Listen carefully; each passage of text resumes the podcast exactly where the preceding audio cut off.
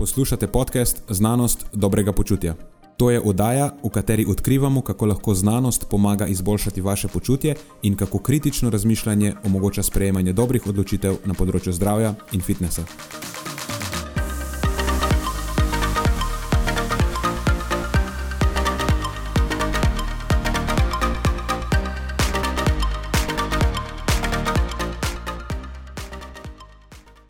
Preden začnemo, pa se moram zahvaliti še našim sponzorjem. Zaenkrat to še vedno ni velika korporacija, temveč zvesti poslušalci, ki nam izkazujete zaupanje in podporo s prijavo v našo člansko skupino Znanost dobrega počutja. Hvala vsem, ki s tem držite luči prižgane in omogočate podkastu, da raste in postaja še bolj kakovosten. Hvala tudi vsem, ki nas podpirate s pozitivnimi komentarji in visokimi ocenami, ter s tem, da priporočate podcast svojim znancem in prijateljem. Zdaj pa je končno čas za začetek epizode. Uživajte ob poslušanju.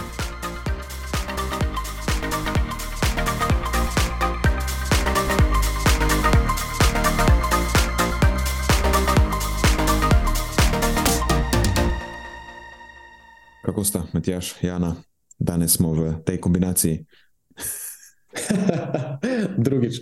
Ja, super, super. Pripravljeni na, na eno mešano ploščo tem. Ja. ja, danes bomo uingali to zadevo. Kaj smo rekli, kaj bomo, kaj bomo prvo? Jaz bi rekel, da glede na to, da je še zelo, zelo sveže, ti si bil ravno pred kratkim na enem predavanju, uh, kineziološki ja. dnevi. Glih pred parimi urami. Tako da imam še, ja, medtem ko to snemamo, imam še nabrušen jezik od tistega predavanja. Upam, da se bo preneslo. Si že ogrejen. Ja, na kinezioloških dnevih mi je bila zaupana ena tema, ki je zelo sekala ven.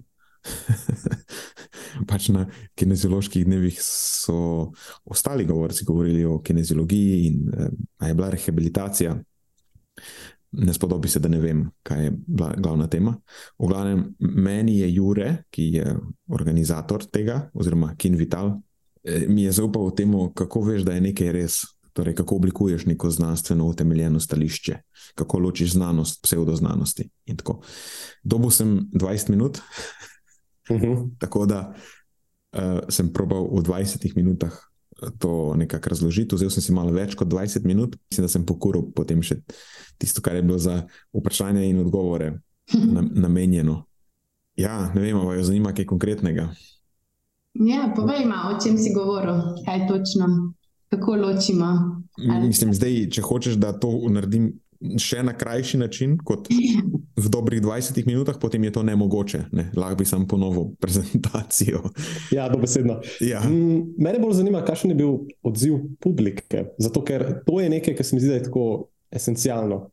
Pa znanosti na splošno. Zdaj, pa, kot si omenil, v bistvu vse ostale teme so bile pa bolj kineziološko naravnane. Uh -huh. uh, se ti zdi, da je to nekaj, kar je ne vem, doživel nek dober odziv, nekaj, kar je zanimalo ljudi? Je, ja, en komentar, ki sem ga dobil na koncu, je bil v stilu, parafraziram. Jaz sem mislil, da bomo te teme še najmanj odnesli, ampak sem potem ujel še nekaj koristnih informacij tudi tukaj, tako da je bilo zanimivo. Probo sem biti malo šaljiv, eh, probo sem dati par praktičnih primerov na področju podcastiranja. Itak sem se mo mo mogel pošaliti na račun, na Andyjev račun, torej na račun Andrewa Hubermana. Naš prijatelj, uh, biohacker. Ja, on si ne pomaga, pač da mi je veliko materijala za delati. Tako da res je bil, on ima kupenih takih primerov, ki so slikoviti primeri za ta namen. Eh, da prikažeš, kako nekaj, kar zveni zelo znanstveno, je v bistvu lahko tako potegnjeno od kar nekje, uh mhm. -huh. pa pa celo nekoristno. Uh, tako da, ja, malo sem se šalil na ta račun, to bo sem par smehov med prezentacijo, in kar se mene tiče, je to. Zmaga. Ja, jaz sem se zabaval. No. Ja, Andy je tudi uh, odličen primer nekoga, ki načeloma vsaj vlada svoje področje. Čeprav ja. na zadnji, ko smo se pogovarjali, si rekel, da tudi nekateri kolegi specifično iz teh krogov tudi izpostavljajo nekatere zmote. Uh, no, ampak ko pa posega v druga področja, konkretno v prehrano, pa je zelo slabo. Ja, zna biti, da je to vzorec, ki ga je sicer začel manifestirati na področjih, ki so mu manj znana, ko je začel posegati na področju prehrane, vadbe in tako naprej, je začel full ekstrapolirati neke stvari in mogoče je videl, da se mu to obnese, da je popularen, vse mhm. bolj in bolj, bolj ekstraordinarne reklame kot daje, torej bolj izjemne trditve kot podaja.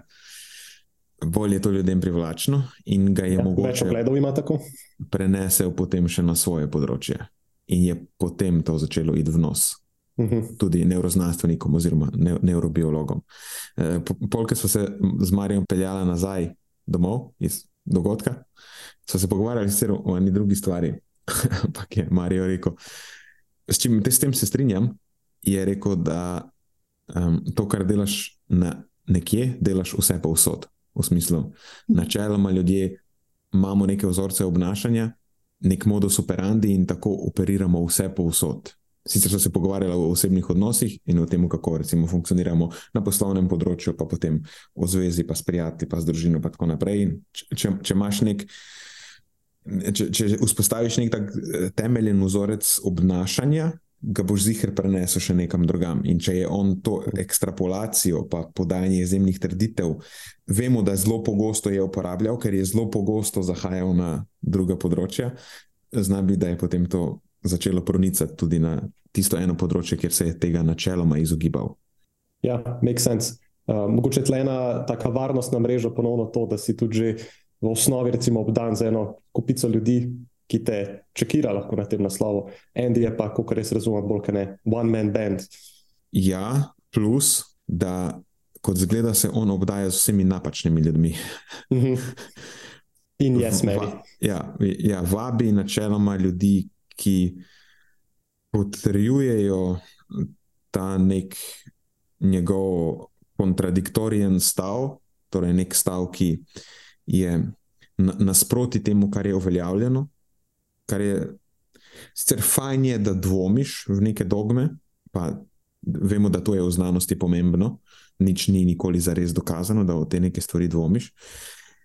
Postane pa zelo problematično, če namenoma iščeš vse, ki govorijo drugače, kot je nek konsens, samo zato, da bi bili popularni, in se mi zdi, da je on začel te stvari delati.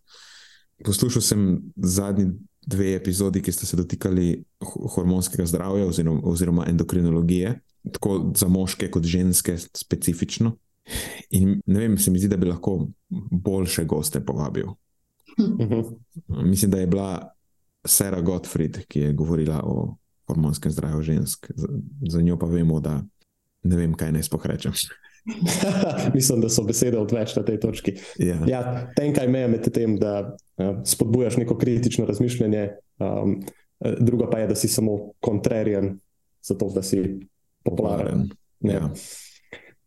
Tako da bi bilo v bistvu nenavadno, da je takrat povabil Lej Nortona na tisti pogovor, triurno debato pod narekovajem o prehrani. Ampak se mi zdi, da nič ni odnesel od tega. ja, nič ni odnesel tega, ker Lane mu je tam zelo lepo razložil neke stvari. In jaz sem dobil občutek, da okay, končno je bil izpostavljen neki, kar nekaj dobrim informacijam, ampak v naslednji epizodi povabi že spet enega gimpa, ki. Ja, točno to. Optimist v meni je bil tako, ok, mogoče pa to un turning point za Indija. Nope. Ja. Jaz nisem imel, pre, epizoda, nisem imel prevelikih upanj, ker isto se je zgodilo z Roganom. Mhm. Tudi Rogan je povabil Lena Nortona.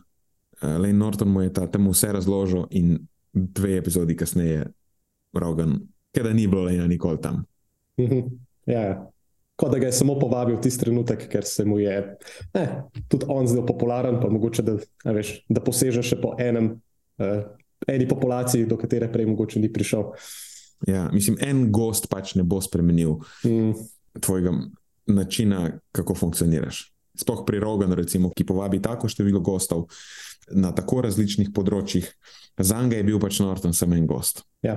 Jaz ne verjamem, da lahko on se sploh spomni, o čem se je pogovarjal pred ne vem, a veš, desetimi epizodami. In če ti neko področje ni blizu, potem je še toliko manj verjetno. Me zanima, po kakšnem ključu on vab te goste v bistvu. A je, mislim, a premišljeno izbere nekoga, ki je res strokovnjak, kar očitno ne. Um, ali je pomembno, kako ima število sledilcev ali kaj. A misliš Rogana ali Ja, oba. Imam občutek, da pa se oba dva verjetno podobno. Nekdo, nekdo jih priporoča ali pa jih nekje vidi, ljudi, ki so njemu zanimivi. In sej, pri Roganu je točno to problem. problemov, rekovajih, če je to problem. Pač on povabi tiste, ki se mu zdijo zanimivi, ki ga sprožijo na nek način. In načeloma ga sprožijo ljudje, ki imajo take pristranskosti kot on, ali pa si deli neke ja. ideje z njimi, in tako mm. naprej. In potem se to samo še potencira. Ne? On si namenoma mm. svoj mehurček ustvarja. Pri Hubermanu je pa tako, da se mi zdi, pogosto povabi nek, po nekih priporočilih. Zdaj pa veš, ti dost vabiš nenavadne ljudi, je večja verjetnost, da bodo tudi oni ti priporočali nenavadne ljudi in spet si zgradiš nek, nekaj. Ja, gibljaš se v tem nekem podobnem krogu, potem konstantno. Samo področje se rahlo spremeni. Ja. Ja. Okay, zdaj, ki smo že začeli filozofirati, Matjaš, ti si mi rekel, da si prebral uh mhm. -huh. to knjigo, ki ti jo je Marijo podaril za ja. novo leto. Novo leto? Ja, res je. Marijo je vsakemu od nas letos podaril eno knjigo, novoletno darilo. Če se ne motim, videl ste dobila Resilience od Erika uh -huh. Greitensa. Uh, super knjiga, Lej, bom vama prepustil, mogoče za kakšno področje epizodo. Uh, no, meni je bila pa servirana knjiga od Keith Cunninghama, naslovljena The Road Less Stupid. In v osnovi je knjiga tako zelo naravnana v smer biznisa, ampak v njej najdeš ogromno enih urodij kritičnega razmišljanja, ki se, po mojem mnenju, aplicirajo na vsakodnevno življenje, ne samo na podjetništvo in na biznis. In uh, točno zato se mi je zdelo smiselno, da poskušam deliti par misli in idej, ki so se mi nekako najbolj utrnile v spomin pri prebiranju te knjige. Pa jih lahko malo pokomentiramo. Uh, no, prva točka, ki je po mojem mnenju tudi najbolj znan segment znotraj te knjige, je naslovljen: Nehaj plačevati tako imenovani neumni davek. Ne? Neumni davek plačaš takrat, ko čustva prevladajo nad razumom pri delanju odločitev na splošno. Uh, In v tem primeru je kritično razmišljanje lahko zasenčeno strani čustvenega razmišljanja, zaradi česar ne vidimo vsa tveganja pri delanju odločitve. Dočim kritično razmišljanje zaobide ta problem in pomaga ukrepati še pravočasno. In kot tipičen primer takega zelo velikega uh, plečila neumnega davka, pa Keith navaja primer Polaroida kot podjetja, kjer sta uh, Eh, nostalgija in čustva prevladala nad inovacijami, in jim posledično potem ni uspelo izkoristiti trga digitalne fotografije. Nekak podobna zgodba je potem tudi za Blockbuster in kasnejši pojav Netflixa in podobnih storitev. Skratka, rezultat je bil padec tega podjetja iz številke ena na svetu. Uh, tako da to je bila prva točka, ki mi je nekako padla v spomin. Um, pazi, da čustva ne prevladajo nad dejstvi pri delanju pomembnejših odločitev, In zato je pogosto treba stopiti korak nazaj in si res vzeti čas za premislek. In tako kot sem nekaj, kar sem že omenil danes, ne, zelo dobro je tudi biti obkrožen z ljudmi, ki te čekirajo na tem naslovu. Um, to zdaj jaz dodajam, ni, ni bil del knjige, ampak je pa po mojem mnenju definitivno res. Ker ko si enkrat v taki situaciji, včasih težko videti preko tega čustvenega aspekta. Evo, to je bila prva točka. Uh mhm. -huh. A lahko že dodajam? Prosim. Veliko govorimo o tem, kako se moraš obkrožiti z ljudmi, da te čekirajo. To je dvorezen meč. Hmm. Ker lahko boš plačal še večji davek na neumnost, če se obkrožiš z napačnimi ljudmi. Tako kot smo ugotovili. Kot Andy. Ja, kot, kot, kot Andy. Ker če si ustvariš svoj mehurček, kjer vsi samo te potrebujejo, pa potencirajo tvojo neumnost, bodo potencirali tudi ta davek. Ja, tudi ta davek je, povečji. Ja. To je super dodatek, se strinjam. Tako da moraš namenoma identificirati tvoje šibke točke in potem najti ljudi, ki jih dobro komplementirajo. Ker nisem tako, da ok, rabim samo ekipo. Ne, ne, ne, ne, ne. rabiš jo pametno zbrati. Tako. Pa poslušati um, ljudi, ki kontra govorijo, pa fakt čekati, um, a, a si mogoče ti na napačni strani ali mislim. Ja. No, ena stvar, ki sem jo čist na koncu, potem kot neko popotnico za domov dal danes na predavanju, je bilo točno to. Vprašali so me za neko heuristiko, da dam, torej neko tako pravilo palca. Ne. Mm, kako jaz se ravnam, da ustajam na pravi strani, rečemo temu. In kar jaz delam, je, jaz več časa porabim, da poslušam tiste, s katerimi se ne strinjam. Veš, zakaj jaz vem vse, kar Huberman pravi? Zato, ker poslušam njegov podcast. Sicer na neki točki bi bilo pametno, najbrž, da neham, ker veš, moš tudi potegniti mejo. Če nekdo kon konstantno govori stvari, ki niso uporabne, iz katerih se nikoli nič ne naučiš, pol ga nima smisla poslušati.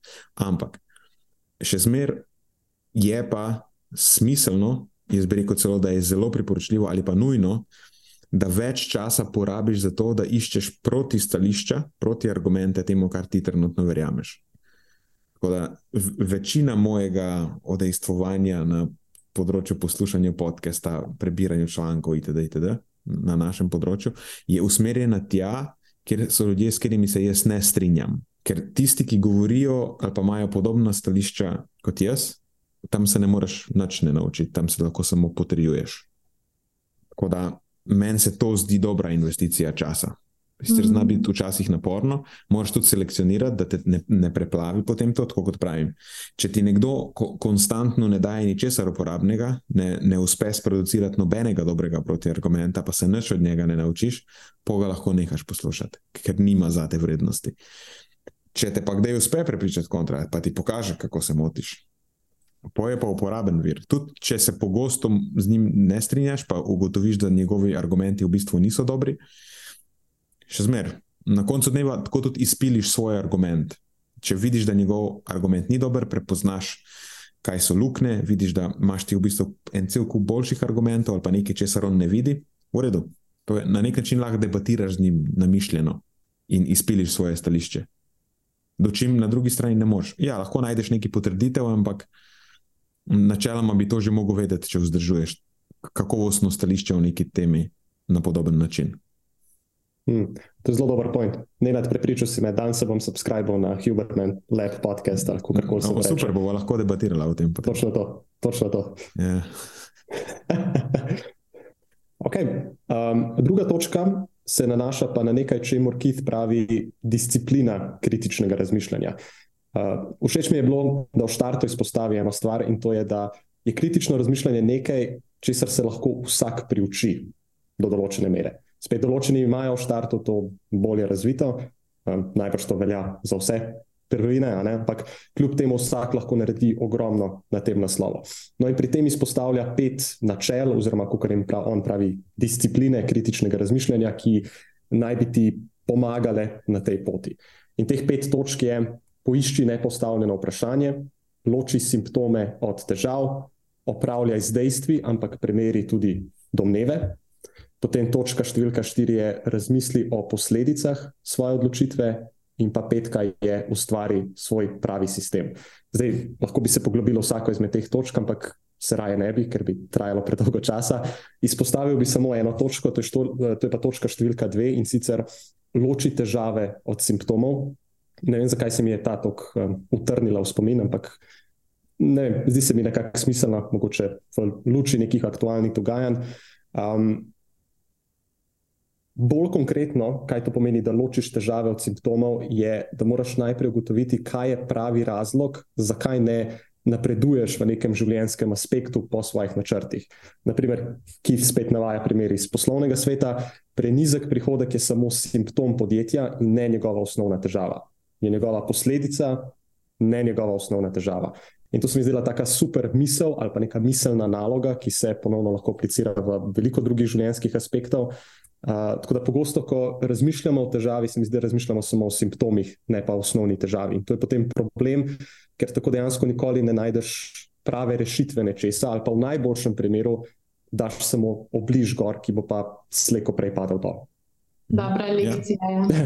Ki se aplicira tudi na zdravstveni sistem, pa na celo delo z raznimi boleznimi, pa to, kar so v bistvu sami simptome o simptomih govori, simptome zelo na veliko, pač zdrav, pa tako, ampak o težavah je pa ni no, nikoli denarja za to, da bi preventivno delovali. O, zanimivo, da si ravno v ta svet zašla. Nisem mislila na to. Mislim, ja, simptome lahko samo uravnavaš. Mhm. Ja. Ali pa blažiš, ne? mislim, načeloma na zdraviš vzroke. Ena sorodna zadeva je spet iz današnjega predavanja, oziroma pred predavanjem so se z Juretom uh, pogovarjala o tem, kaj je problem recimo, na njihovem področju. Da tam zelo težko ugotoviš, kako si dejansko rešil svoj stranki problem. Recimo, da nekdo pride k tebi z bolečim kolenom in ti na njemu uporabiš neko metodo, za katero sicer na, na podlagi nekega izučenega ugibanja predvidevaš, da bo delovala, ampak ne veš točno zakaj in kako, mogoče na podlagi izkušenj, kakorkoli. In mu ta metoda reši težavo. Zdaj, neizpodbitno dejstvo je, da on več nima težave. tukaj si lahko 100%, to je ne, empirično pokazano na tej eni osebi. Mm. Ampak, kar se pa potem doskrat zgodi, pa je, da se napačno sklepa, da je ta metoda zaradi tega vzroka rešila to težavo. Mislim, da pri prehrani se doskrat podobno zgodi, da ti spremeniš kup enih stvari v prehrani, pa se nekaj zgodi, pa potem eni zadevi, za katero ti misliš, da je bila ali pa ti je najbolj všeč, pripišeš to spremembo, bodi si pozitivno ali pa negativno. Dočim dejstvo je samo to, da se je neka sprememba zgodila. Ne moreš pa trditi, zakaj in kako se je zgodila. Mhm. Ja, to je zanimivo. Máš v mislih, recimo, primere, kot so, eh, karikiram, odkar sem začel jemati to XY dopolnilo, sem skušal tok pa tok, ampak zanemarjaš pa, da si še celo kupico drugih stvari ob tem, da se je spremenil. Ja. Okay, ja, to, je, to je bistveno boljši primer kot uh, primer dohodka v podjetju, oziroma se bolj aplicira na naš svet. Da, ja. Ja. In kar potem lahko narediš, če hočeš ugotoviti, zakaj je nekomu nekaj pomagalo, greš pogledati v literaturo. Uh mhm. -huh. In potem tam lahko malo bolj izpiliš to tvojo sliko, teorijo, ampak še zmeraj uh -huh. se mhm. moraš zavedati omejitev, omejitev tega. Ja, ja makes sense. Zelo podobno kineziologiji kot v prehrani, isto imamo. Ja, predvsej enih takih problemov si delimo, očitno. Ker na koncu dneva tudi, a veš, trenerji, kinezologi delajo z ljudmi. Hm. Človeški organizem je zelo kompleksen sistem, eh, težave, s katerimi se ukvarjajo, so izjemno kompleksne. Nek, mislim, bolečina je izmed najbolj kompleksnih stvari, like ever. Uh, Toliko enih dejavnikov, ki vplivajo na naše zaznavanje bolečine, je, da je spoh neverjetno. In pač nekaj bo delovalo, nekaj si naredil, sklepo si, da bo delovalo in deluje, rešil si mu težavo, super, rešil si mu težavo. Ampak ne zdaj po nesreč verjeti, da si mu rešil s točno to metodo, pa da je bil točno to in to razlog, ker se boš zajebil, če bo prišla naslednja stranka. In bo šel po istem kopitu, in ne bo šel na istih rezultatov. Lahko pride z isto težavo, lahko je boli koleno na podoben način, zaradi podobnih vzrokov. In ti sicer sklepaš, da okay, tukaj sem rešil to zadevo na ta način, zdaj bo delovalo tudi tukaj.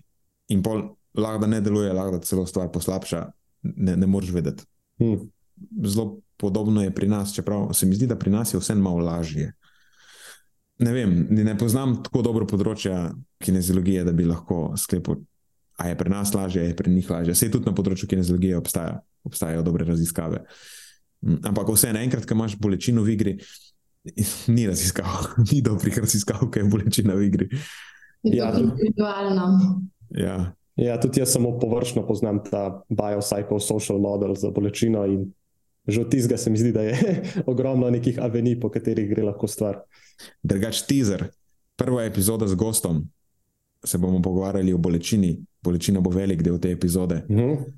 Prihaja v studio oseba, ki ve zelo veliko o bolečini, mogoče celo največ v Sloveniji. Ok, okay. No, veš, s tem teaserjem bi skoraj lahko začel. Vse je v redu, glavno, da smo ga omenili. Uh, veselim se, to bo to sliši zelo zanimivo. Ja, to je nekdo, ki poučuje predmet, ki se mu reče bolečina na faksu, enem, ne povem, kjer je. Lahko sklepate. Ja, si, ni pa najbolj, kjer imajo. Ja, vse to, vse to. Je pa to en izmed bolj tako uh, eh, BDS imen za predmet. ja, ja, ja. Oglavnem, ja, ni, ni toliko uh, faksov, ki imajo predmet bolečina, da ne bi mogli sklepati. Ja. Je, ja. je pa tako, ker bedes ime za predmet. Ja. Mm -hmm.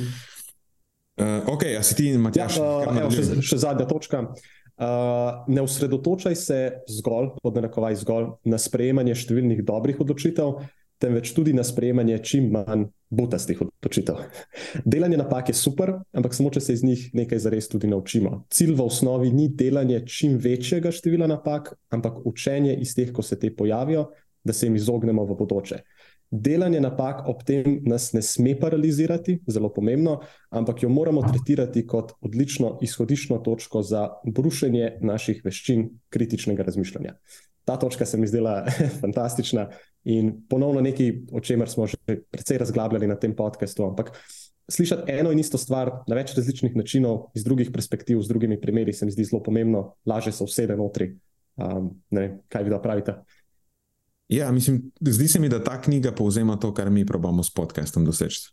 Pokazati, kako je uh, kritično razmišljanje je pomembno na vseh področjih življenja, še posebej tam, kjer sprejemamo odločitve o pomembnih stvarih, in da je potem te odločitve potrebno sprejemati na podlagi dejstev, dokazov, racionalno, objektivno in nečustveno.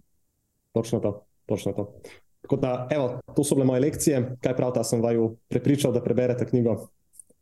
Definitivno. Sam najprej moram najno, tako da boš še v čakalni vrsti. Ja. Jaz bom ne, sigurno uporabil to besedo davek na neumnost. Davek na neumnost, a ne da je ja. taka ja, ja, zelo dobra skovanka. Mm. Ok, super. Odlično. Kaj pravite, a bi nadaljevali mogoče z. Ja, dobili smo prošnjo, da predebatiramo tudi letos, kot smo naredili lani, rezultate izbora najbolj inovativnih živil leta 2023. Zdaj jaz nisem ziger, kdo je zadolžen za to, a je Inštitut za nutricionistiko glaven. Vem, da pač ta projekt sofinancira Ministrstvo za zdravje, da ga podpira tudi Ministrstvo za kmetijstvo, gozdarstvo in prehrano. In eno stvar je potrebno tukaj izpostaviti, da spet ne bo kdo tega narobe razumel. Ideja je fajn, ampak se sooča z eh, ta cel projekt z eno veliko omejitvijo in sicer to, mislim, da je omejen na slovenske produkte, torej tiste, ki jih proizvajajo slovenska podjetja. Mhm. Ja, zagotovo. Ja, in ker so slovenska podjetja deset let za globalnimi trendi, so tudi ta živila deset let za globalnimi trendi. In večina teh živil, ki se je znašla na seznamu, ima precej boljše alternative že na trgu. Tako da to niso zares inovativna živila na splošno, ampak so inovativna živila med slovenskimi proizvajalci. Tako da, sem, da to razumemo, ni krivda inštituta za nutricionistiko ali pa kogarkoli drugega, da pač zbira brezvezna živila, sam pač probajo zbrati najboljše iz tega, kar imajo. In nimajo veliko. Upam, da nisem pokvaril komentarja, zdaj že na začetku. Ne, ne sploh ne, daleč od tega. Mislim, kot tipičen primer mogoče tega, če se navežem na to, kar si ravno kar rekel, je recimo ta ego-proteinski jogurt, kot neka beljakovinska alternativa klasičnim sadnim jogurtom. Super, jaz bom z veseljem to probal in užival, ampak to ni nič inovativnega več na tej točki. Že imamo take napitke, že imamo neke vem, beljakovinske testenine in tako naprej. Um, tako da, ja, ni v bistvu ja. zares, zares inovativno. Ja, torej, da, da ne preskakujemo.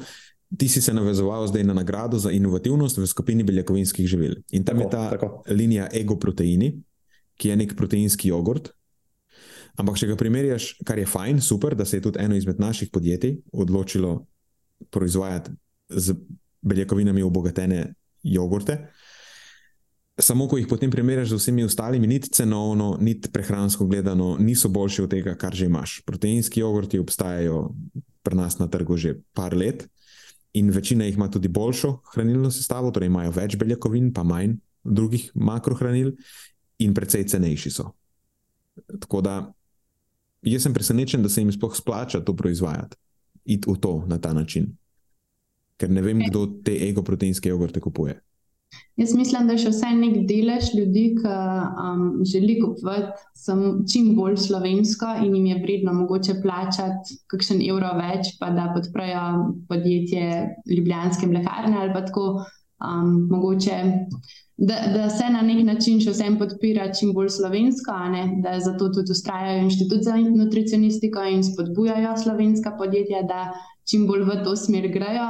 Zdaj, če jim ne uspe še čistko, kot kakšnim večjim um, globalnim podjetjem, je v bistvu čisto logično, ampak meni se zdi to še vsem pozitivna. Um, Pozitivna stvar, no, da se s tem ukvarjamo in da, da grejo podjetja, da se trudijo iti v to smer. No, tukaj, tukaj zdaj vidite, ne? ko smo prej govorili o sestavi ekipe. Jana je, je moj uh, Ying, uh, Yang, uh, whatever bistveno bolj uh, razume to mehko plat, te cele zadeve. Uh, ja, se, se strinjam. No. Mislim, tako kot pravim, vzpodbuda je super. Super je, da se tudi naša podjetja vzpodbuja, da sledijo trendom, da se proizvaja prehransko bolj ugodne uh, produkte, ali pa da se da več ponudbe na trg. Da, ja, ampak pač mene ne boste videli kupiti tega ego-jogurta. Jaz sem pre, preveč pragmatičen za to in veliko, veliko premalo sentimentalen. Hmm. Ampak, če boste pa to zdaj leti na vsa podjetja, potencijalno bodoče. Če ste pa proizvedli kaj iz, uh, iz kakih žuželk, čeričko in podobnih stvari, hej, I am there. Kupite me. Kontakti, kontaktirajte me. mislim, ja, tega, mislim, to bi bilo res inovativno, uh -huh. tudi globalno gledano. Ja. Ja, tam je pa velik delež uh, slovencev še ni pripravljen. Se mi zdi, tako da vprašanje, kako bi se pa to prodajalo. Ampak en, en bo mogel začeti. Ja, ah, mislim, se mi to po influencer pa bilo dobro. jaz sem pripravljen in bomo že stlačili po grlu ostalim. Ja.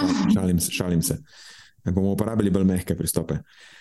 Oglavnem, da nadaljujemo z našimi kategorijami. Potem imamo nagrado za inovativnost v skupini polnozrnatih izdelkov. To je tehnično prva kategorija, prva po vrsti. In nagrado je dobil polnozrnati kruh z lanom. Zdaj, če to komu ne zveni zelo inovativno, ima prav to ni zelo inovativno, to je polnozrnat kruh semeni. S tem, da uh, je lan noter, več lana, 7 odstotkov lana, ki popestri okus in hkrati prispeva k visoki vsebnosti prehranske vlaknine. Uh, tako da to je razlika. Spet mislim, nočem se ne pikar, ampak mislim, da se da s kruhom, tudi žuželke se da dati noter. Hm? Sicer moramo navesti na embalaži, pol, ampak bi bilo po mojem bolj inovativno. Škoda, da ne vidite Matjaža, zdaj mislim, da bo, si bo mogel vzeti čas, da spregovori. ne, vem, ne vem, če sem se že kdaj jokal na tem podkastu, smeh, ampak ja, za vse je nekaj prvič. Uh, ja, mislim.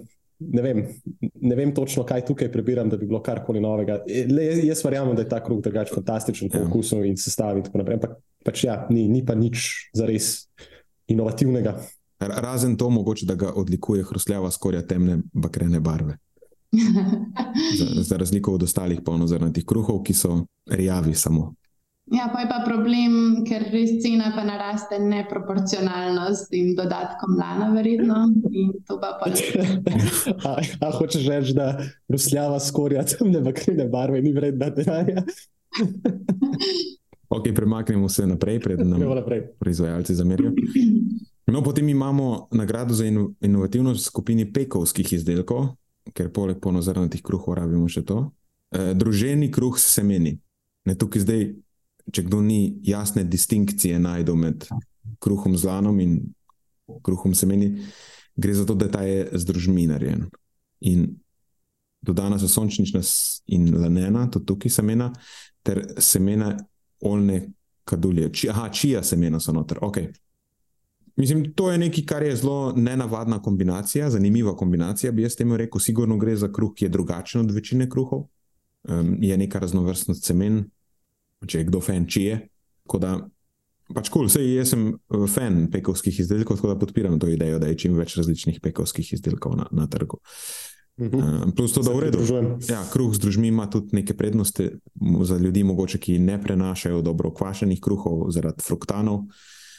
Uh, družmi zmanjšajo vsebnost fruktano in potem te kruhi načeloma te ljudi manj napenjajo. Da, uh, mislim, pohvalno, da se tudi z družmi te ta večje pekarne, ki načeloma imajo procese bolj industrializirane, družine imajo teže industrializirati, uh, da se tudi s tem ukvarjajo. Da, cool. Ja, super. Ampak tudi tukaj se da insekte noter. Mislim, lahko bi se tudi tukaj dalo insekte noter. Ej, boš prvo to zdaj narediti za vsak izdelek, ki pride. Mogoče. Um, aha, še ena stvar je. A, so, ne? Ja, so, točno to. To je nekaj, kar je tehnološko precej podvig. Kruh rabi določen odstotek soli, da se lepo zapeče in da je tako, kot ga imamo radi. Tako da, če to uspe narediti, ne, da se zniža vsebnost soli, tudi pekovski izdelki prispevajo kar nekaj soli v našo prehrano. Tako da to je vsekakor plus. Glede na to, da je po, povečan vnos ali pa prekomeren vnos soli oziroma natrija, povezan z srčno-žilnimi obolenji in uh, rakom na želodcu, morda še s čim.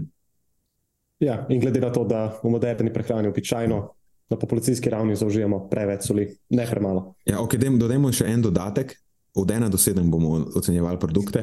Da mi jaz bi temu kruh z lanom, ki smo ga imeli prej, ne vem, meni se to ne zdi, jaz bi 2 od 7 bi dal temu. Jaz sem imela tudi to številko v glavi. Ja. Dvojki. To se mi nekako ne zdi, da je nekaj posebno inovativnega, mm, noč kaj tasga ni. Temu odroženemu kruhu semeni Videla pa jaz tri. ne, jaz bi mu dal več. Štiri ali pet. Ja. Hmm. Tudi otrobi so noter, oseni kosmiči, višja osebnost vlaknin, manjša osebnost soli, druži. Zdaj, ki berem, je kar naenkrat prepričal. Jaz bi mu dal v bistvu pet, pet od sedem. Hmm. Če gledaš, kar se tiče kruha, tukaj sploh težko bi rekel, da lahko še karkoli optimiziraš pri kruhu. Ko če gledaš na splošno, generalno za splošno populacijo, kaj lahko v, v, v kos kruha ljudem ponudiš. Ne, razen insektov zraven še ne vidim, kaj bi še lahko. Hmm. Insekti so sta zadnji dve točki še ne. Ja, lahko bi sam še ne vem, vsebnost beljakovin povečal. Meni ja. se imata dve pomembne stvari, kakšen je okus in kakšna je cena tega izdelka. To bi tudi pomembno vplivalo na. Ja, tukaj cene ne ocenjujemo. Ja. Ker potem bi vsi dobili najbrž nižjo ceno.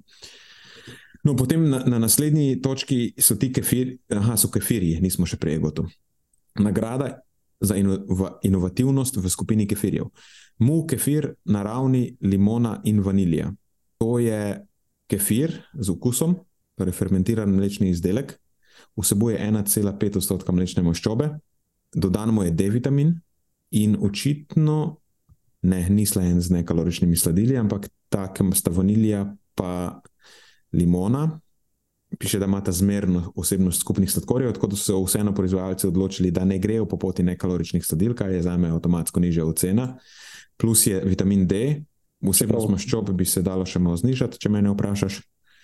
Uh mhm. -huh. Mm, tako da to je, kar se mene tiče, ta D nekako ni neki, kar ne vem, če bo kdo spil to kefir, ne vem, koga je sicer noter, ampak jaz bi tudi temu dal. Te, ajde, 3 od 7, ker je D vitamin noter. V spominu imam, da je bil lansko leto en tak podoben izdelek, podobno, s podobno količino vitamina D, pa smo ravno to razglabljali. Mm. Koliko tega izdelka bi dejansko lahko zaužil na dnevni bazi, da bi prišel do nekih smiselnih številk.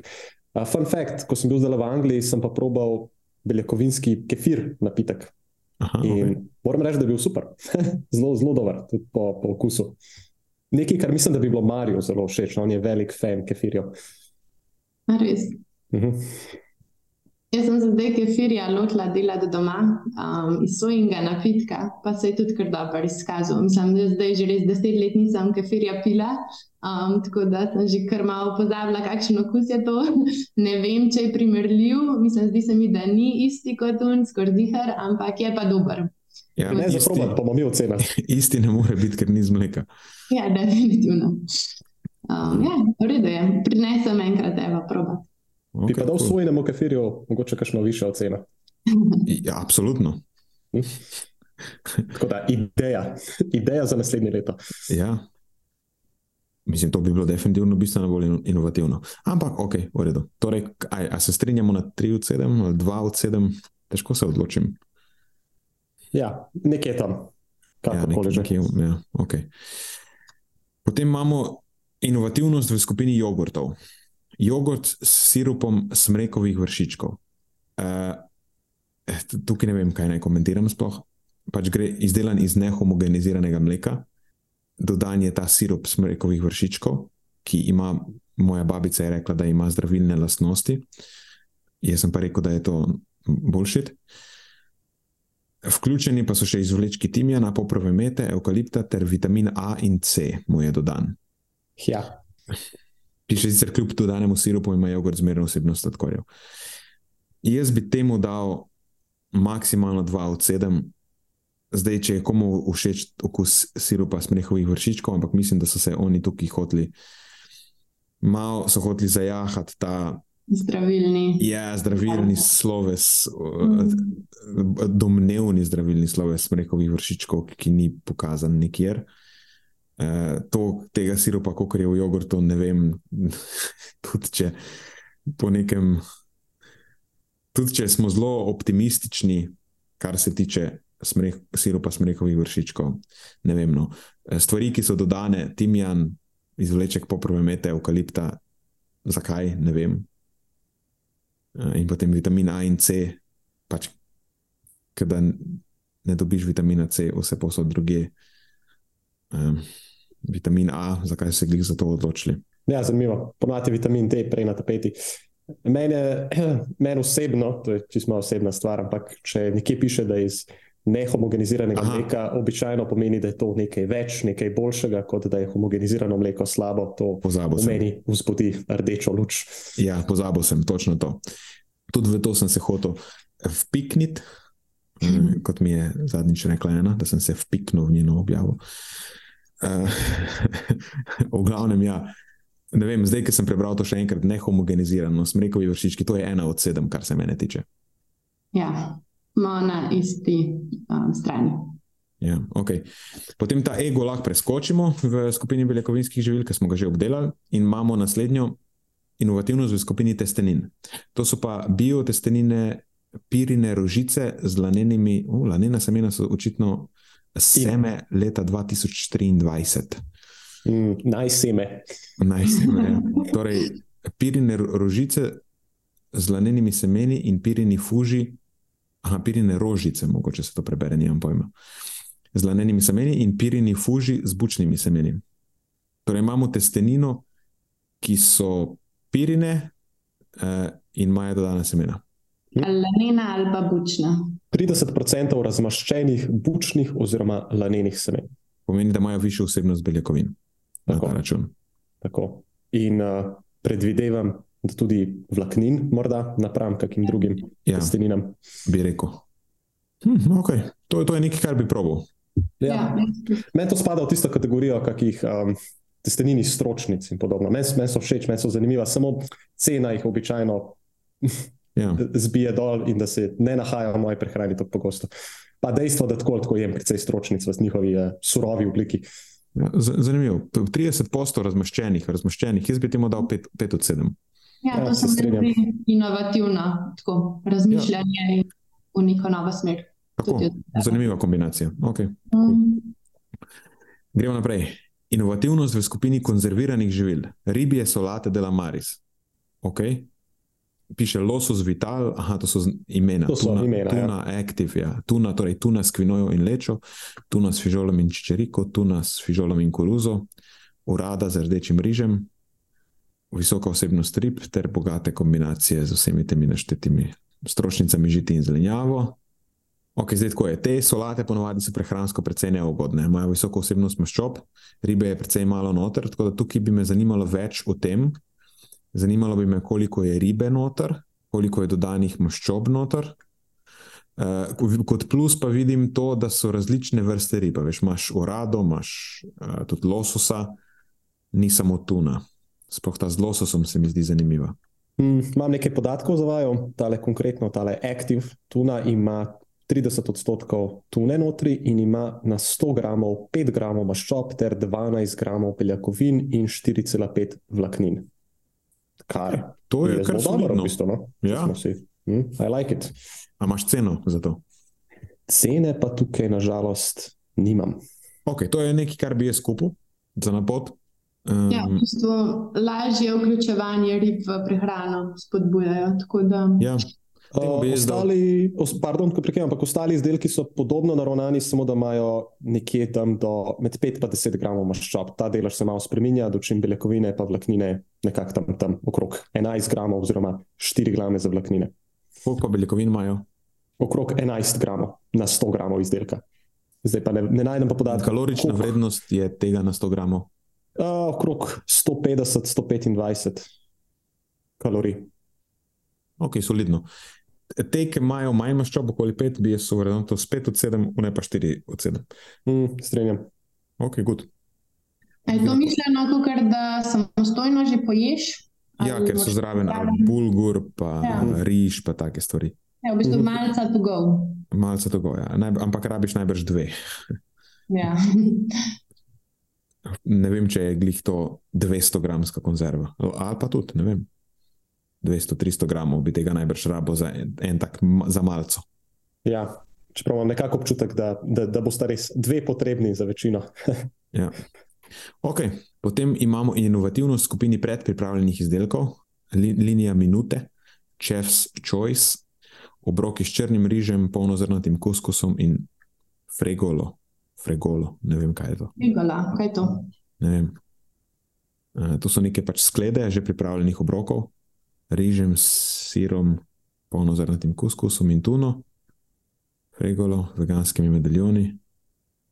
Torej, to so že neke oblikovane bole, ki sledijo smernicam uravnoteženega krožnika, vsebujejo večjo količino zelenjave, škrobno živilo in vir beljakovin. Regola so pa testenine. Se pravi, imajo tudi vegansko opcijo, če prav vidim. Ja, ja neki veganski medaljoni. Hmm. Kaj pa in to, to bi pa res mogel videti, neko hranilno sestavo, da bi lahko bolje ocenil. A je možno, da je nekdo upošteval moje nasvete? Točno. A, jaz sem sedel na sestanku minute. ok, mogoče so si pa kaj zapomnili. Um, a imamo hranilno vrednost mi za to? Ne. Hoda. A lahko najdemo? Ja, ne, zelo slabo. Ker tole kaže potencial. Ja, so bi lahko imeli kar visoko ceno. Ne vem, zakaj Merkator nima tega, vsaj ne najdem. Ne, se to je. Ne, ni, ni na Merkatorjevi strani. A niti v trgovini. Ne, ni, ni videti. Mislim, da, da ni tega Ja. podatka. Ne, jaz najdem samo te obstoječe izdelke iz te Tukaj gledam, minute. gledam video, ne? gledam video inovacija leta. Razmišljam, koliko naj povem in koliko ne. A, a, misliš, koliko si ti bil upleten noter v to? Ja, v bistvu, koliko, koliko so ukradli moje ideje. In jih je nekdo, ki sem ga učil, kako se uh, Excel uporablja, je zdaj v tem videu glavna zvezda. A resno. Ne, okay, ne, bomo, uh, ne, ne, ne, bomo, ne bomo zamerljivi. Uh, bomo rekli bomo samo to, da ima ta izdelek potencial, nažalost, ne vemo hranilne vrednosti. In eh, da v bistvu, če so dobro poslušali, kaj sem jaz takrat govoril, bi lahko bil to dober izdelek. Eh, Zdaj, če so pa spet natlačili maščobe v to noter, kot so imeli tendenco, bi bil lahko pa bil manj ugoden. Tako da temu nažalost ne moremo podati ocene. Ok, kul, cool, v redu, všeč mi je, da, da so šli v tej smeri tudi pri Merkatorju. Gremo dalje.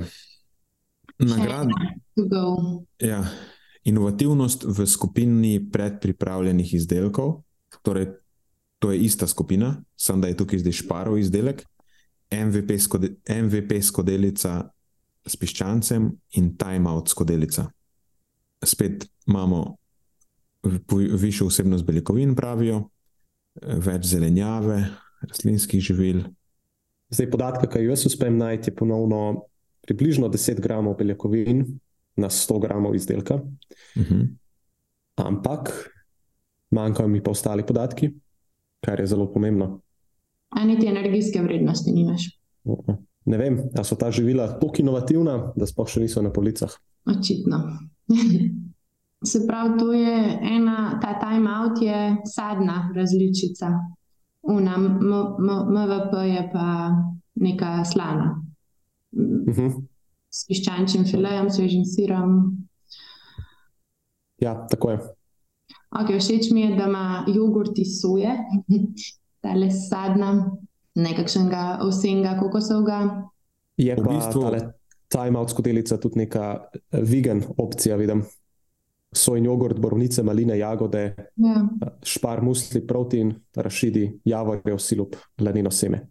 Ja, e, ok. Vir beljakovin, nizka vsebnost nasičenih maščob. Spet kaže potencial, ampak težko rečemo. Ja, manjka par podatkov, no, da bi lahko zares dobro vrednotil te stvari. Ja, te dve obe zadeve, in Šparva in Merkatorjeva, sta lahko, lahko sta 3 od 7, lahko sta 5 od 7, lahko sta 6 od 7. A veš, Uh -huh. težko rečeš. Ok, gremo naprej. Inovativnost z področja trajnosti, trajnostni program blagovne znamke Argeta, torej neke paštete, zelenjavni namazi v bistvu. Zmanjšana vsebnostjo soli in maščob. In Ja, gre za pač gre za nek brezmesni izdelek, tako da najbrž zaradi tega Mhm. se je potem uvrstil v kategorijo trajnosti. Lani mislim, da je na tem področju zmagala pa ena zadeva, ki nam je bila relativno všeč, nenad. To je Ja. tega, tega podjetja Graška, a ne? A, ok, ja. neki, uh, neki njihovi namazi. ja Iz ostrigarja mogoče. zna biti. Uh -huh. Ampak probam zdaj najti Zanima me tudi, kakšen. Ok, našel sem. Torej, to gre za prehransko, je to precej tako. tako. Gre za masten namaz. Torej, klasičen, kla, klasičen masten namaz. Samo... Ja, prehranska vrednost je najbrž podobna kot pri klasični pašteti, ima nekih 6 gramov beljakovin in 17 gramov maščobe, ta konkreten iz čičerike. Predvidevam, da iz kakšne črne olive, ki vidim tukaj, je pa še manjši delež beljakovin. Verjetno je. Ja. Delež um, maščob. Lahko pogledam še iz črnih oliv. Uh, ja, ima več maščob, pa malo manj beljakovin. Torej 5 gramov beljakovin in 20 gramov maščob. Torej, pretežno vir maščob, 2 od 7. Ja. Ja. Ja, 2 od 7. Ok, to je to v bistvu. Mislim, da nismo bili tako strogi. Na koncu sem, imam zdaj boljši feeling kot prej, kot smo, zač ko smo začeli. Eh, zdaj, ko smo šli malo bolj podrobno skozi produkte, mislim, da je kar nekaj zanimivih stvari. No? Ja, dejansko. Več kot bi si, pri, več kot bi pričakoval. Ja. Ok, kul. Cool. Jaz bom rekel samo to na tej točki, da se veselim naslednjega leta. Bolj In... zanimivo je bilo. Ja, Lej, kaj pa veš, mogoče je pa naslednje leto ravno tisto leto, ko pridejo žuželke. Ej, držimo pesti. Sicer v te namazane moraš dati insektov.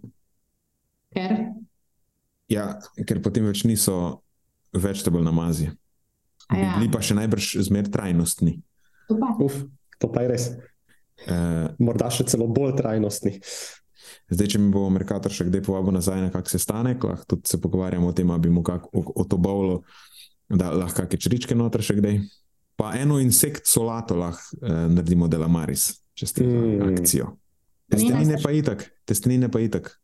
Ja, nekaj, kaj, čričkova moka ali kaj podobnega. Ja.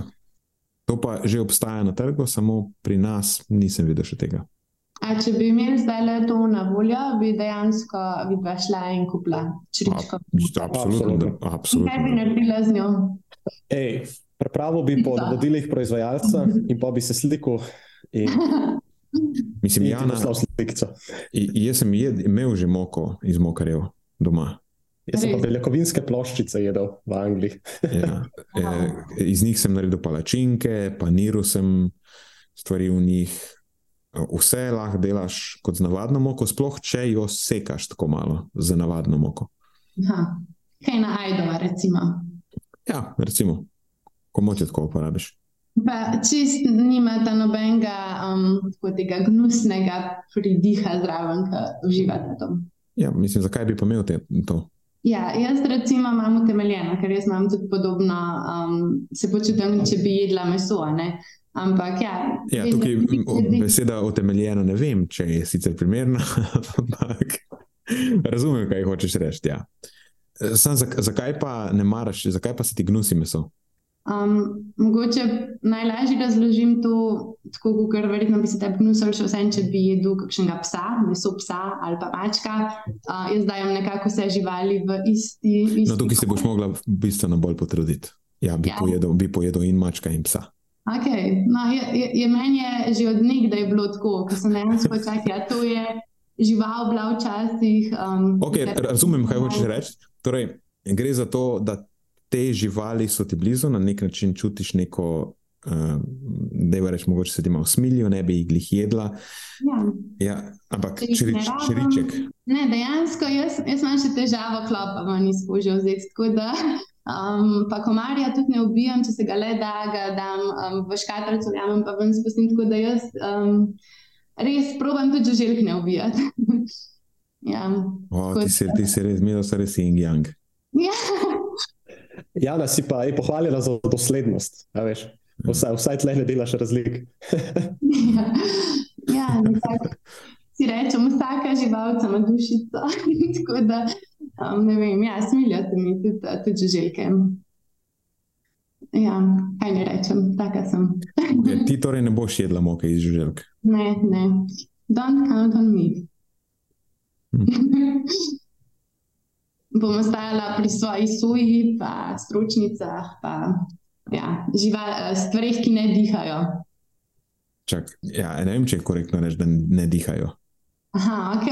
Um, ki kaj, kaj, kaj je ta glavna razlika, ki ne spadajo v skupino živali, okay. v kraljestvo živali. Razumem. Mislim, da smo mislim, zaključili smo s temi inovativnimi izdelki. Kaj je bila še ena tema, ki smo jo hoteli načeti? Pogovarjali smo se o rastlinskih napitkih. Jana je dala to idejo. Pred časom sem eh, na Instagramu objavil, da je sojni napitek dobro formuliran, sojni napitek, v vseh pogledih superiornejši od kravjega mleka. Ja. Doživel si burne odzive. Ja, ta objava je producirala kar nekaj burnih odzivov, ampak noben mi ni uspel proti argumentirati tega na zadovoljiv način, razen to, da pač jim okus ni všeč. Oprosti, sem to ni proti argument. pač, v redu, okus ti ni všeč. Meni tudi marsikaj ni všeč, pa to še ne pomeni, da recimo neka stvar ni hranilno boljša od druge, ali pa okoljsko ni boljša od druge, ali pa po nekih objektivnih merilih, ki so relevantna, ni boljša od druge. Tako da jaz sprejmem to, da ti okus ni všeč, ampak po merljivih vplivih na telo in okolje je to superiornejša izbira. Spet poudarjam, dobro formuliran. Torej, če govorimo o sojnem napitku, ki ni obogaten, potem nima recimo kalcija, nima vitamina B12, vitamina D. Tako, e, dobro, se je tudi mleko, nima vitamina D. Mm, ampak ne, to je recimo nekaj, kar se potem še naknadno lahko doda, vitamin D in kupenih drugih stvari. Eh, temu obogatenim, tako da, kar se tiče mikrohranil, doskrat imajo obogateni napitki celo več tega kot mleko samo. Po maščob, vsebnosti maščob je primerljiv z manj mastnim mlekom, ne tistim čist ne mastnim, ampak manj mastnim, tam nekje en in pol gram maščobe ima. Mm, ne bi lahko cepil z maščobno kislinsko sestavo, ker nasičene maščobe iz mleka niso, eh, niso tiste dolžine verige, da bi bile povezane z neugodnimi vplivi na lipidni profil. Eh, tako da mlečne maščobe so ena izjema na področju nasičenih maščob. Načeloma niso povezane, z neugodnimi izidi, kot pravim, razen maslo je te, pri tem izjema.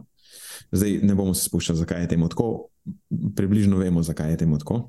Mogoče to je bila lahko cela epizoda. Ja, lahko bi bila, ja, lahko bi bila, bila cela epizoda. Glavno, maslo je tukaj izjema, kar se tiče sirov, smetan, um, mleka, skut in tako naprej. Pa, pa načeloma maščobe iz teh virov nimajo direktno neugodnega vpliva na maščoben profil, imajo pa kar dodaja pa kalorično vrednost, če so polnomastni izdelki. Ampak tukaj, recimo, v primerjavi manj mastnega 1,5 mleka in sojnega napitka, so te dve zadevi zelo primerljivi.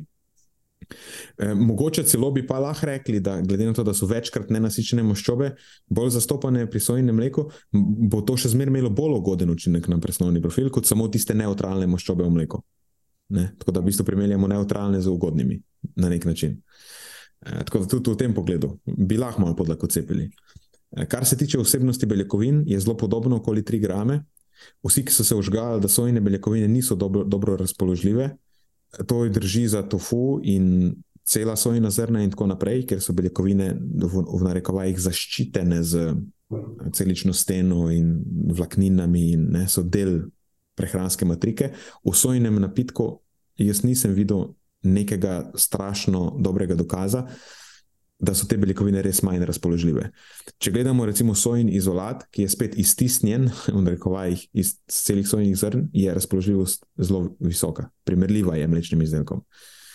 Eh, kar se tiče aminokislinske sestave, spet soja spada med rastlinskimi viri, med ta boljše vire, in tudi na tem naslovu ni nekih takih zelo drastičnih razlik. Eh, to je tudi eno področje, na katerem se je moje stališče začelo spreminjati, evolvira v bistvu rastlinske beljakovine ni, ni, ni tak problem, kar se tiče aminokislin. Uh, je manjši problem, ampak ga je bistveno lažje servisirati, kot sem nekoč mislil, da ga je. Ampak spet ne bomo zgubljali besed o tem na tej točki, gre drugič. Uh, a sem kaj pozabil? Kalorična vrednost je nižja pri sojnem napitku. Um, zdaj, če je to plus ali minus, lahko razglavljamo. Načeloma, če ni sladkano, ne vsebuje oglikovih hidratov, če je to plus ali minus, lahko razglabljamo, odvisno od situacije. Mm, mislim pa, da je to to. No? Tako da imamo, veš, jaz vidim sam prednosti za večino. Ja, ena stvar, ki bi jo še dodal, nekaj, o čemer smo se že pogovarjali, uh, tudi sojne beljakovine, soja kot taka, nima negativnega vpliva na nek, neko hormonsko delovanje in podobno, kot je ja. pogosto mit, ko roži okrog tega. Tako da lahko to kar. Mislim, sojni izoflavoni, tako, če bi že spet hodil mm -hmm. cepiti, so večkrat povezani z ugodnimi vplivi kot, kot ne. Moški ne bodo dobili um, joškic, če bojo uživali. Mislim, če hočete lahko cepiti o tem, če hočete lahko cepiti osebnosti hormonom podobnih snovi v napitkih, pol prosim, ne me prisilite, da začnemo mleko govoriti. Vsi vemo, kako nerelevantne so osebnosti raznih peptidov in tako naprej v tem mleku. Uh, tako da, veš, zdaj, prosim, ne. Um, jaz bi mogoče še dodala, da kar se tiče cene, so marsikateri sojni napitki tudi zelo podobni um, kravjemu mleku. No? Tako da tudi tukaj ni nekih razlik, ni treba, da je eno.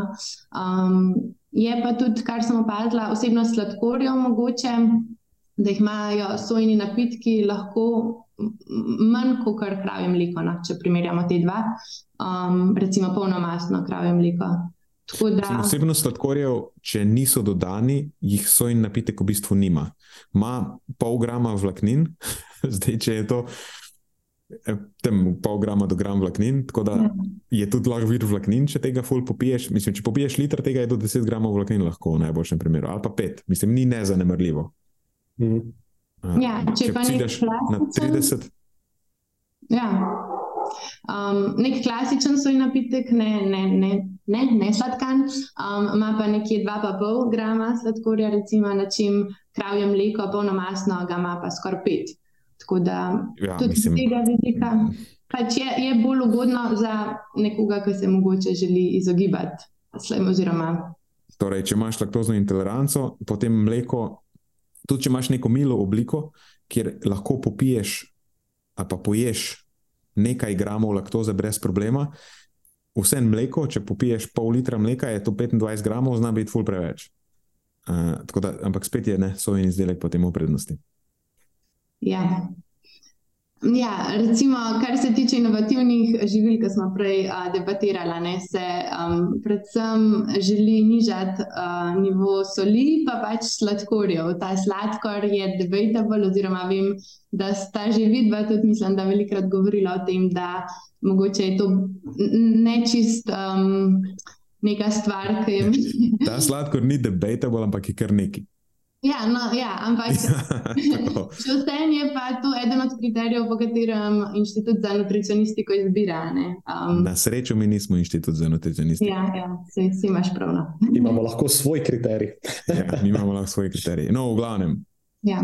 Samo plusi za svoj napitek. Uh, to zdaj ne pomeni, da mleko ni kul, cool. sam je pa lahko svoj napitek precej dobra alternativa, če, mu, če vam je všeč po okusu.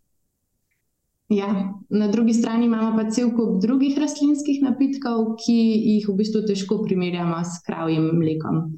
Um, to so v bistvu vsi ostali, razen mogoče grahov, ki ga težko najdemo pri nas v trgovinah, um, ki je tudi podoben sojnemu, ampak vsi ostali pa imajo uh, zanemrljivo vsebnost beljakovin, um, pa v bistvu zelo visoko vsebnost maščob, um, tudi nasičenih, recimo kokosov ali pa sladkorjev, pa v bistvu, kot si ti tudi dobro izpostavil, se mi zdi, da v unih storijih, da so veliko bolj primerljivi s kakšno Coca-Colo, kot pa s kravim mlekom. Spoh rižev napitek, to je ja. pa en primer, kjer posebnost sladkorjev, oziroma v tem primeru škroba, tudi ni nezanemarljiva. Kaj ima, okoli 10 gramov? Ja. Torej, pol litra tega je 50 gramov ugljikovih hidratov. Ne? Zdaj, spet to samo po sebi ni nič kaj tasga samo v določenih kontekstih je lahko problem. Mislim, v določenih kontekstih je lahko plus, uh mhm. -huh. recimo, da jih rabiš. Ne moreš pa tega primerjati z mlekom. No, ni vir beljakovin, ampak je vir ugljikovih hidratov. Spet, v teh kontekstih, ko je riža v mleku, primerno bi bila tudi Coca-Cola najbrž. Tako. Ali pa pomarančen sok, če že hočeš neko živilo, ki ima malo bolj health halo. Ampak samo če je sveže iztisnjen. Mm.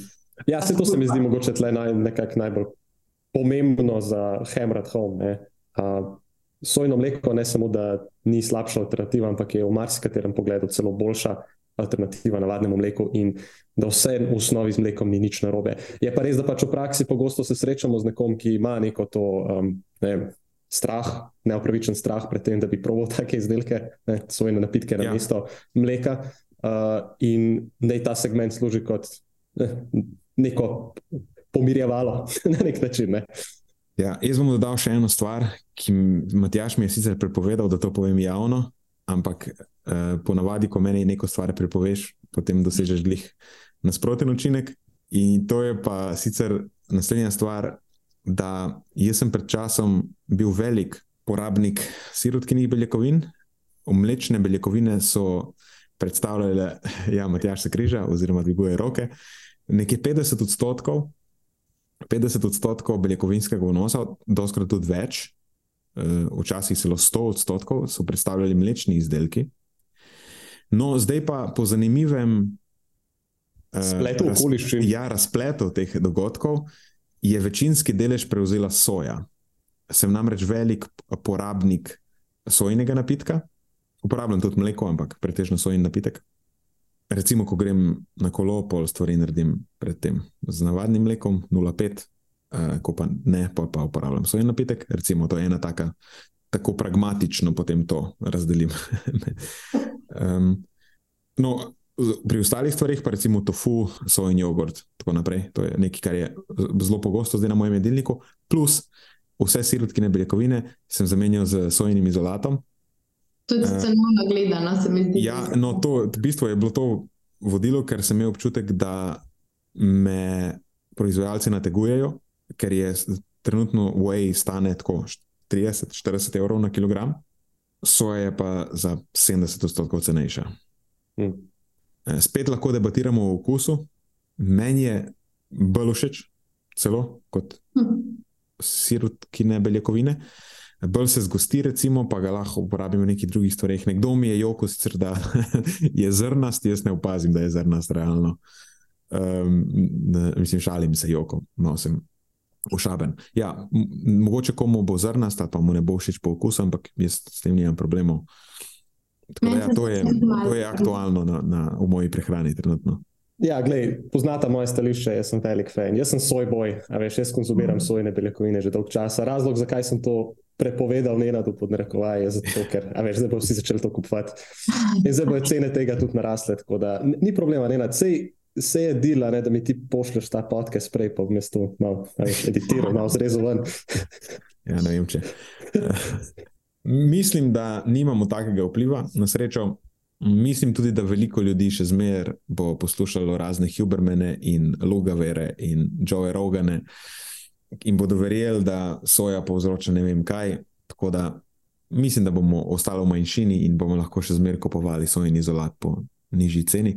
In tudi tukaj je sojni izolat v prednosti, doskrat pred UEM, spohaj če primerjamo s koncentratom, ima več beljakovin na 100 gramov, cenejši je itd. itd. Mm, ja, se strinjam. Madonna Hubermanu so pa danes kovcali, tokrat smo ga že omenili. Mogoče. Okay. Po moje je to bilo čisto dosto materijala za epizodo. Ja, se strinjam. To je za tokrat vse iz naše strani. Hvala, ker ste poslušali do konca. Delite epizodo s svojimi znanci in prijatelji in jo priporočajte dalje, saj s tem omogočite, da sporočilo znanost dobrega počutja doseže čim večjo množico. Hvala vsem, ki nas podpirate s članarino in tudi vsem ostalim, ki delite podcast dalje in nam izkazujete naklonjenost z visokimi ocenami in pozitivnimi komentarji. Se slišimo prihodnjič, do takrat pa ostanite premišljeni.